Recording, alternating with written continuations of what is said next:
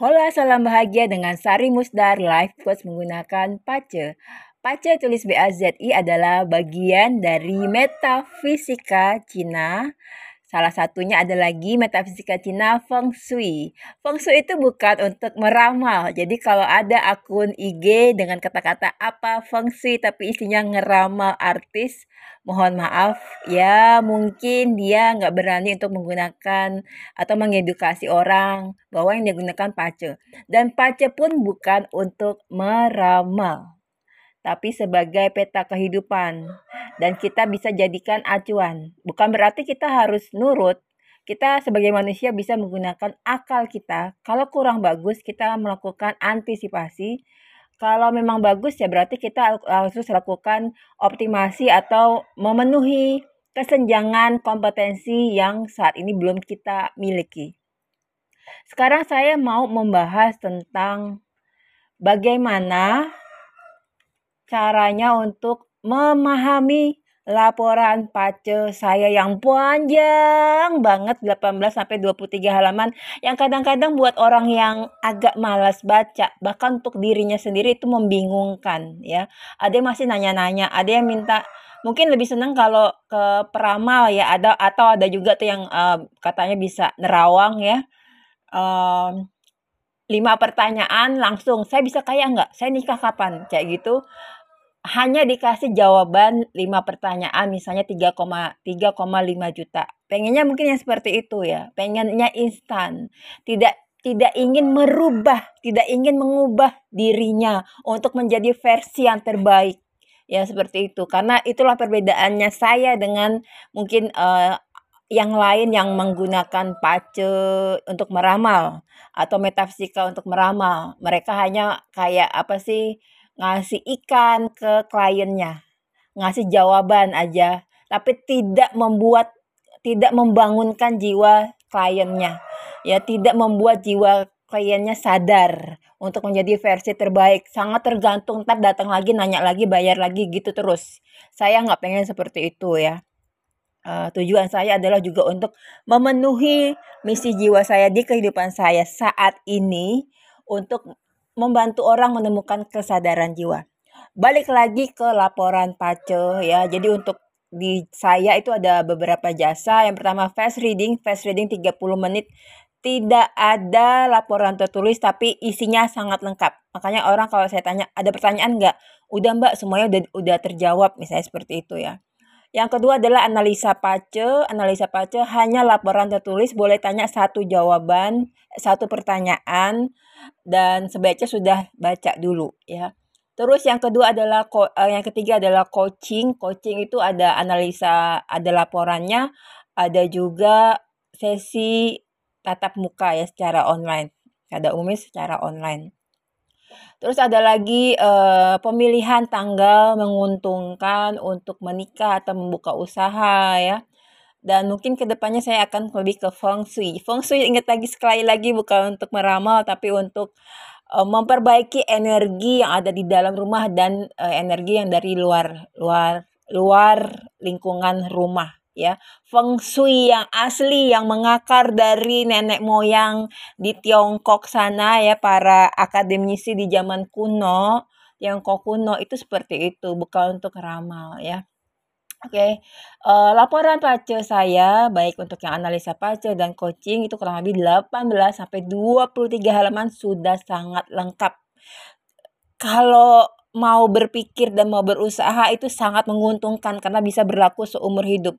Tapi kalau orang-orang yang masih belum sadar jiwanya, masih belum ingin uh, mengubah dirinya menjadi versi terbaik itu pengennya disuapin aja. Ya lebih bagus datang ke peramal atau penerawang seperti itu. Akhirnya galau terus karena e, vibrasinya nggak naik-naik.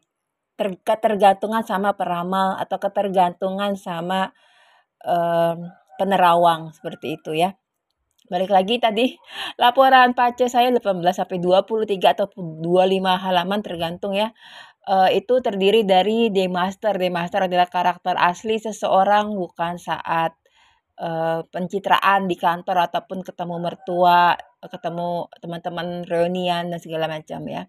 Terus ada lifestyle, lifestyle sebenarnya bukan feng shui tapi dari uh, eh bukan pace tapi dari feng shui ya untuk tahu bagaimana karakter seseorang atau mungkin uh, pekerjaannya cocok dan segala macam.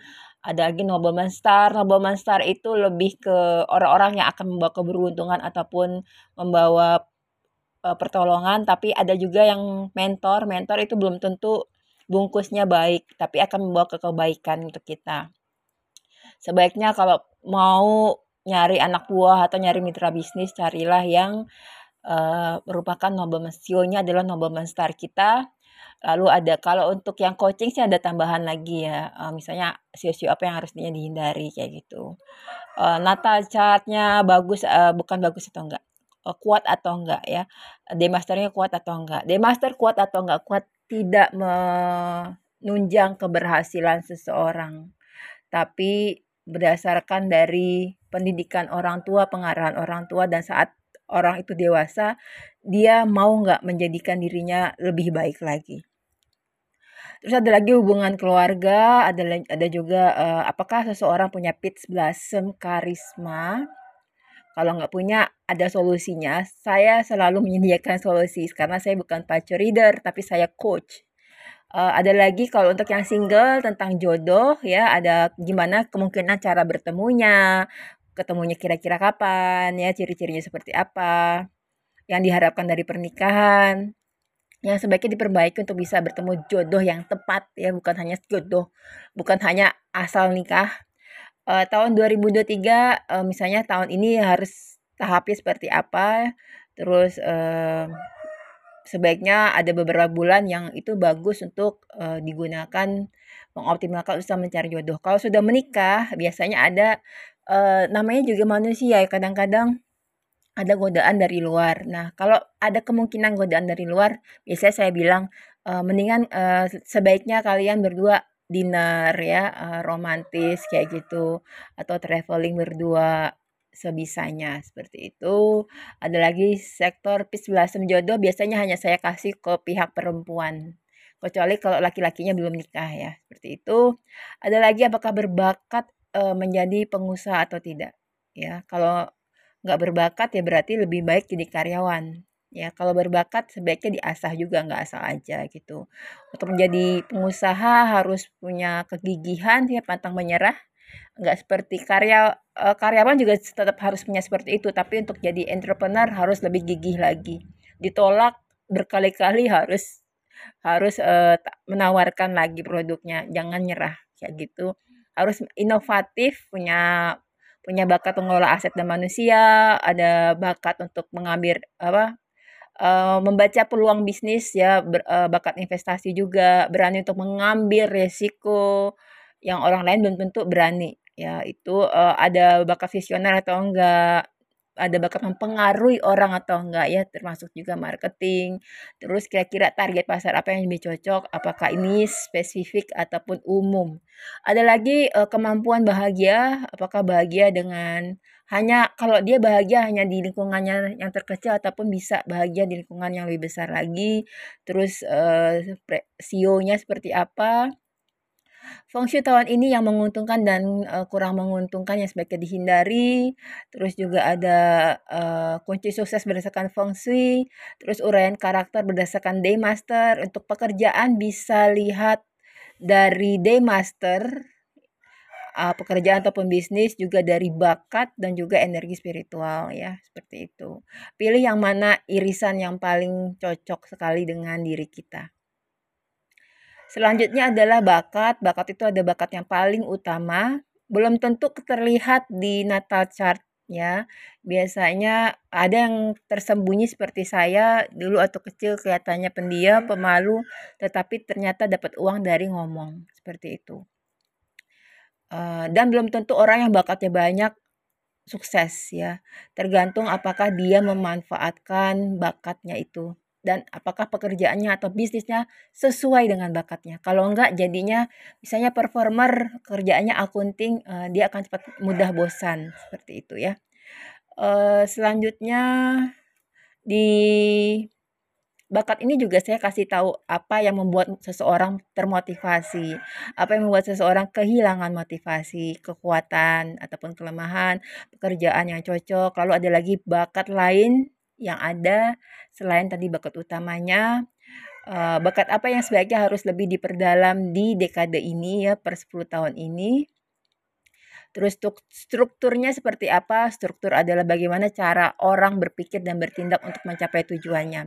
Ada orang yang senangnya di belakang layar, ada yang senangnya mesti tampil, ada yang senangnya berhubungan harus ketemu orang. Ya nggak kalau kerjaan administrasi akan bosan, akan demotivasi. Makanya kalau performer terus strukturnya konektor, kerjaannya jadi customer service customer service masih ketemu orang sih ya. Akunting mungkin ya, akuntan itu akan sangat demotivasi. Harusnya jadi uh, burung cantik yang bisa terbang tapi ditempatkan di air jadinya burung jadinya tidak menjadi versi terbaiknya. Ada lagi alur alur alur atau sumber kemakmuran ya biasanya itu ada tiga apakah di luar gaji ya. Uh, apakah ada dari mesti punya produk ataupun jasa, investasi ataupun kepemilikan aset dan atau bisnis. Untuk yang investasi ada dua ya, investasi moderat dan progresif atau lebih agresif. Orang-orang yang punya bakat tertentu dan strukturnya tertentu itu biasanya saya sarankan untuk belajar investasi. Yang enggak mendingan investasi jangka panjang dan lebih moderat yang sangat uh, tidak terlalu tinggi resikonya. Industri ada lagi industri yang disarankan uh, untuk memilih pekerjaan bisnis pekerjaan atau bisnis ataupun memilih target klien. Jadi nggak hanya untuk diri sendiri tapi juga untuk memilih target klien yaitu uh, pilih yang mana yang paling sesuai dan paling bisa dilakukan. Terus ada lagi peningkatan keberuntungan. Kalau ini dilakukan kayak hidup kita dapat dorongan dari semesta. Jadi lebih cepat mencapai tujuan. Uh, Terus ada lagi kesehatan, prediksi kesehatan. Karena saya bukan dokter, maka sebaiknya saya sarankan untuk konsultasi ke dokter.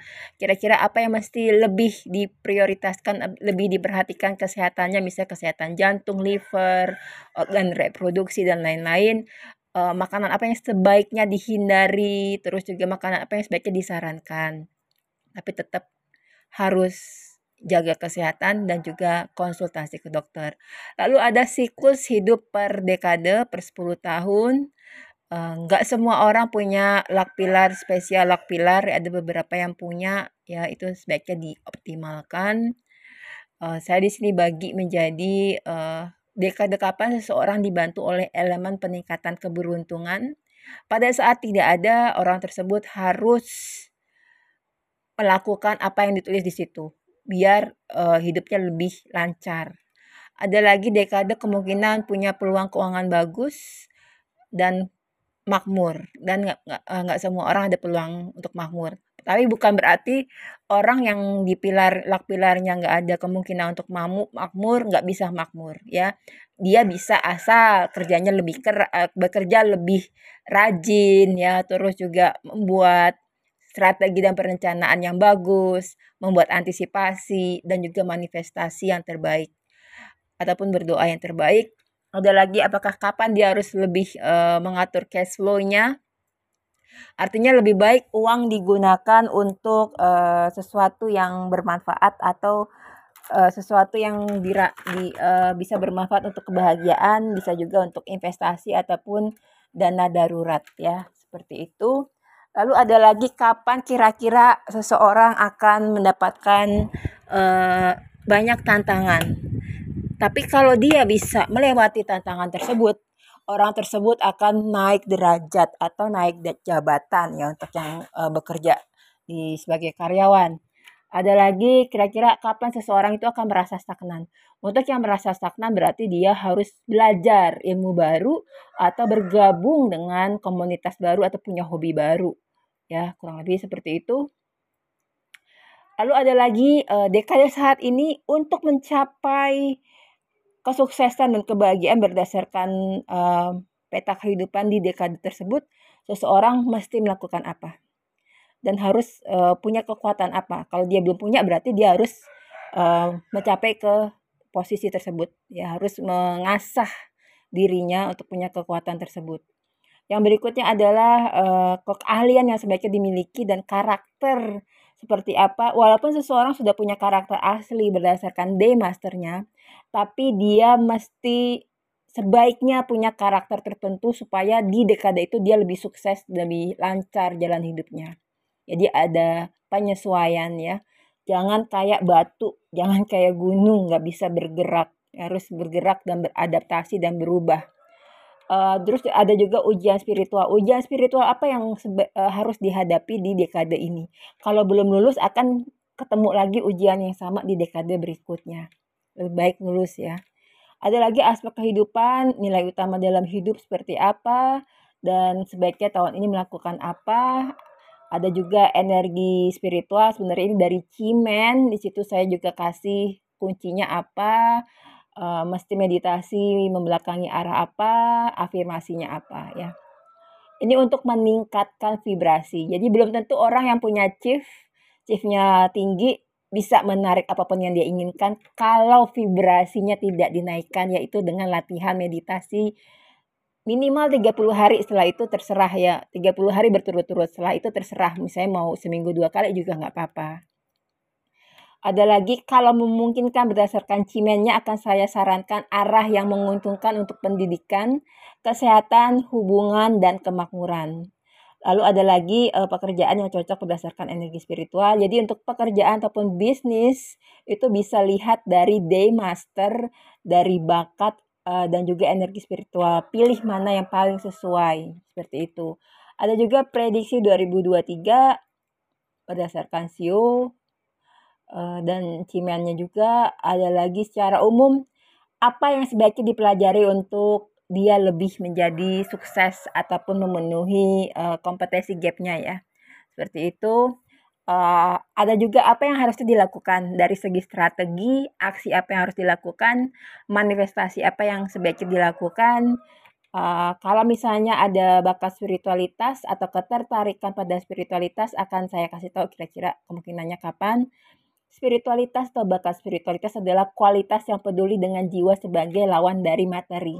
Jadi tidak hanya melihat diri ini sebagai badan raga, tapi juga ada jiwa ataupun sesuatu yang tidak terlihat. Yang tidak terlihat termasuk juga harapan ya, eh, makhluk-makhluk gaib juga termasuk ya Tuhan. Uh, tadi harapan, ketakutan ya seperti itu. Bahwa kita ini adalah bagian dari semesta. Itu. Dan kalau biasanya ada juga beberapa yang pe kemungkinan peka ke energi. Ada lagi yang terakhir adalah saran di tahun 2023 ya sebaiknya bekerja di sektor yang menguntungkan, pilih pekerjaan atau bisnis sesuai dengan uh, yang ada di day masternya, bakat ataupun kekuatan spiritual. Pilih yang irisan yang paling sesuai banget ya gue banget seperti itu. Uh, kunci kemakmuran apa yang sebaiknya dilakukan di 2023 dan sebaiknya kemampuan apa yang harus lebih diasah ya. Kalau masih bingung baca berkali-kali nggak cukup sekali, nggak cukup hanya sekali langsung paham. Ini tentang diri kita. Jangan mau disuapin. Ini sudah masuk ke periode 9, harus lebih proaktif ya. Jiwa itu bisa bangkit kalau kitanya mau, kalau kita belum mau ya didorong-dorong percuma. Kita datang ke kita follow IG influencer spiritual banyak banget. Kita follow motivator banyak banget atau datang ke acara-acara mau, mau apa eh, motivator terkenal. Kalau jiwanya kita nggak mau bangkit pengen disuapin terus nggak akan berubah ya uh, jadi saran saya adalah baca berkali-kali laporan paco profiling jangan sampai ada pertanyaan yang kelihatan banget nggak baca ya atau baca cuma sekali atau bacanya tanpa kesadaran gitu ya. Uh, terus yang kedua klaim hal-hal positif dan jadikan afirmasi tiap pagi. Harus dibaca dibuat catatan sendiri. Ya ini adalah peta kita kayak kayak uh, saya dulu 2006 Mei 2006 mau ke Eropa. Saya buat itinerary sendiri saya riset sendiri dan ya itu jadi petanya sangat peta saya banget ya mau naik uh, kereta dari Amsterdam ke Paris jam berapa, biayanya berapa, itu udah tahu banget ya. Uh, yang kedua, yang ketiga adalah buat tujuan hidup untuk lima tahun ya dibagi dari uh, tadi uh, aspek kehidupan personal, tujuan hidup, keuangan, hubungan ya, baik itu hubungan personal ataupun hubungan profesional, keluarga, kesehatan dan kontribusi ke masyarakat. Ya, eh, lalu kalau sudah dibagi rencana per tahun. Lalu buat to-do list. To-do list itu bisa dilihat misalnya satu, meditasi 30 hari membelakangi arah apa, afirmasinya apa. Itu uh, lalu misalnya tadi uh, ngambil kursus apa seperti itu ya. Dan misalnya kalau ada harus percaya diri, harus melakukan apa tadi yang um, itu bisa membuat kita lebih cepat, lebih lancar mencapai tujuan hidup ya. Uh, terus buat ringkasan karakter. Kira-kira kekuatan kekuatan saya itu di mana? Kelemahannya di mana? Kita fokus di kekuatan ya. Uh, pahami bakat utama kurang lebih uh, tiga bakat utama. Kita kalau mau menonjol di zaman sekarang, mau jadi yang terbaik, fokuslah di tiga kekuat tiga bakat terutama paling atas. Lalu kalau sudah buat rencana pengembangan diri ya. Eh, kalian apa sih yang harus dilengkapi saat ini di dekade ini ataupun di tahun ini? Kalau sudah buat perencanaan hidup per 10 tahun berdasarkan tadi. Kalau misalnya ada yang galau berarti kita harus membuat tujuan hidup lebih rinci lagi ya. Kurang lebih seperti itu. Semoga Mas uh, tidak ada yang bingung ya, tidak ada yang masih bingung, baca berkali-kali. Ini adalah peta hidup kita. Ini adalah peta hidup kita. Jangan malas untuk mempelajari peta sendiri. Ya, nggak mungkin kita bayar orang untuk memahami peta kita. Kecuali mau ya, saya kasih coaching yang sangat sangat detail banget itu. Kalau enggak, ya mesti usaha sendiri. Saya dulu juga gitu. Kenapa saya tertarik untuk menjadi paco coach? Karena saya menggunakan paco untuk mengubah diri saya, untuk mengubah hidup saya. Walaupun saya uh, hanya freelancer, tapi penghasilan saya bisa lumayan kan dibandingkan dengan rata-rata misalnya penduduk Indonesia yang penghasilannya berapa sih ya itu saya termasuk lumayan dan saya sangat bersyukur saya tidak kufur nikmat. Semoga bermanfaat. Sekali lagi banyak klien-klien saya yang lebih sukses ya, lebih bah sukses dan bahagia nggak hanya sukses. Sukses dan bahagia karena mereka menjalankan ini. Ada yang dokter ya, seorang dokter dokter spes spesialis yang beliau sangat rajin itu rajin nulis. Ada yang kemudian dapat posisi apa SR director memang sudah aslinya rajin tapi lebih tercerahkan lagi itu ya memang aslinya sudah pintar dan rajin tapi lebih tercerahkan lagi lebih terarahkan lagi kurang lebih seperti itu saya mengharapkan setiap orang yang datang ke saya memang berniat untuk mengubah hidupnya jadi lebih baik mengubah jadi versi terbaik saya sebagai coach coach itu fungsinya mengarahkan mengarahkan ya hanya mengarahkan yang mau sukses atau enggak dia mau menjalankan atau enggak mau mengubah dirinya atau enggak. Dikasih saran kalau tidak dilakukan juga percuma, buang-buang uang. Makanya saya enggak nggak terlalu ngejar follower, tapi saya ngejar orang-orang yang benar-benar pengen berubah.